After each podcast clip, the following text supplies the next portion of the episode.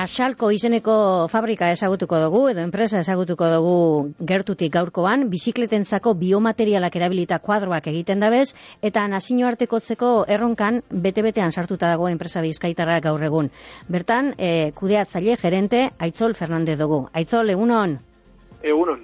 E, bizikletak egiten da bezan enpresak dira zuen bezero nagusiak edo bizikleta bera be eskaintzen dutza zue bezeroari?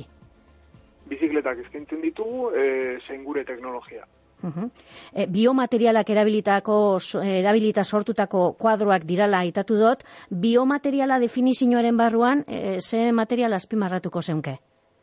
E, batez ere ikusgarriena egurra da, baina bueno, e, urruntasuna eta resistentzia ematen dituzten beste materialen artean, adibidez, linoa dago edo erretxin naturalak. Aha. Eta ze onura edo ze doai eskaintzen dutzoz zuen kuadroak bizikletari edo bizikleta erabilten da benari?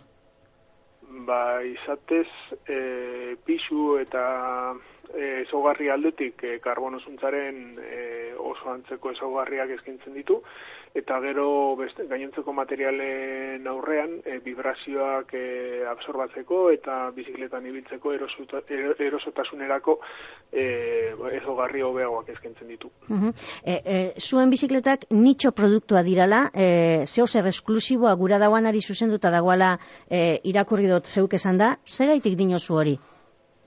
Guk eh, azkenean egiten duguna da, ere, e, koherentziagatik e, neurrira egindako produkzio egiten dugu, e, pertsona bakoitzaren zako, lehenik pertsona horren ezogarriak ezagutzen ditugu, eta horren arabera, berarentzako e, bizikleta personalizatzen dugu. Orduan, e, bueno, pertsona honek bere bizikleta zelan e, marrastuta joango den, e, ze, ze neurri izango duen, ze komponente izango dituen eta bar, e, berak aukeratu dezake. Beraz, bueno, e, lan handiagoa da, e, pertsonalizazio maila oso altua dauka, orduan ez da, bueno, serieko produktu bat, e, da neurrira edo personalizatuetako produktu bat. Aitol, egurrez egindako bizikletentzako kuadroek hasiera baten eroslen eta saletuen artean harridurarik, e, sorpresarik eragin dabe, eh? Bai, bai, hori da. Sortzen duten lehenengo e, zentzazioa edo reakzioa hori da, harridura. Izatez, e, ez dute sinisten, uste dute erakusteko zerbait dela, ez erabiltzeko zerbait dela, gero behin probatuta, horrein gehiago harritzen dira, e, erabilgarritasunaren gatik, e, bai, esan duan moduan, beste gainentzeko bizikletak edo materialak baino erosoago delako, egurra, edo, bueno, biomaterialak, ez delako bakarrik egurra.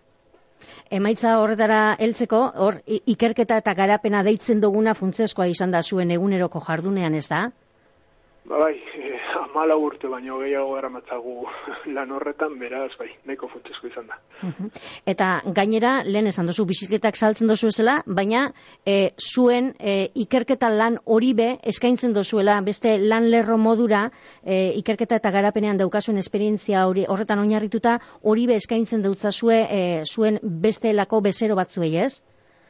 Hori da, e, bueno, enpresan dokagun inversore batek esan zigun, jo, kuadroak egiteko kapaz izan bazerate, norain iripizetezkete material honekin. Eta momentu horretatik aurrera, hasi ginen aztertzen, e, zebeste erabilgarritasun izango dituen e, gukaratutako materialak, eta, bueno, e, orain justo hori aztertzen ari gara, eta bueno, e, nazio arteko interes asko lortu ditugu, adibidez, e, bueno, Kanadan e, elkar laguntza proiektu bat, e, Nueva Zelandan beste elkar laguntza proiektu bat, beste enpresa batzuekin, Austrian, Suizan, bueno, e, munduan zea hartoki askotan. Uh Zuen bizikletetariko bat, e, edo egurrezko kuadroetariko bat, bizkaiko selekutan ez dakit edo Euskal Herriko ze dendatan edo ze gunetan ikusi leiteke hola modu fizikoan?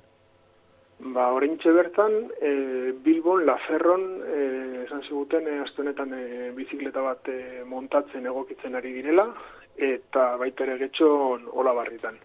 Laferro, e, martzana inguru horretan dagoen e, dendan? Hori da, hori da. Martzanan, Bilbon. Eta, bat, eta baten batek e, zuen e, bizikleta horrek probatu gura izan gura badauz, bertara joatea dauko edo zuek azuzenean behartu emonetan ipini leiteke? E, e, bietariko edo zen aukera. Gurekin kontaktua jartzen maldin bada, guk e, den dauetara bidaliko dugu. Bizkaian eta Ego Euskal Herrian gero eta bidegorri eta e, bizipista gehiago dagoz, e, bizikletearen erabilerea be areagotuztoa. E, honek guztiak e, begirako mapa horretan merkadua handitu egiten dau? E, bai, e, da azpiegitura. E, bizikleta azkenean da mugikortasunerako elementu bat, eta mugikortasunak e, dozka iru e, e, bideratzaile nagusi, e, lehenengoa da kultura, bigarrena izatez dira azpiegiturak, eta hirugarrena da segurtasuna, e, bigarrenari lotuta doala, orduan bai, argi dago. Lehen aipatu dozu, e, zuen e, ikerketarako eta garapenerako daukazuen esperientzia hori e, baliatu, inbersoreak esan dutzuela, ba, beste e, material batzuetan eta proba egiteko, esan duzu, basabizila, e, zeo zer aztertzen, ze motatako material barriak zabizie e, aztertzen edo e, ahaleginetan?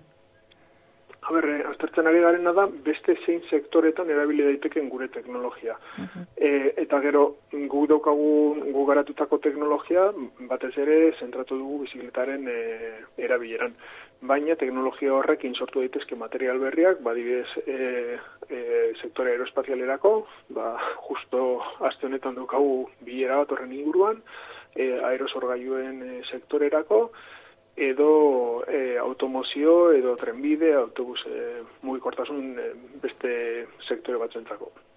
Bueno, ba, guztiz interesgarria salkotik egiten e, zabiziena, e, sorionak, egindako ibilbidetik eta egiten zabizenagaz, eta ba, sorterik onena, e, e, ibilbide e, luzeago honetan. Aitzol Fernandez, kudeatzailea, asalkoko gerentea, eskerrik asko, urrungo arte. E, eskerrik asko bai, laster arte.